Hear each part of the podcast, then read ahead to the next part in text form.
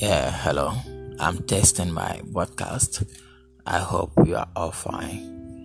um, with you good night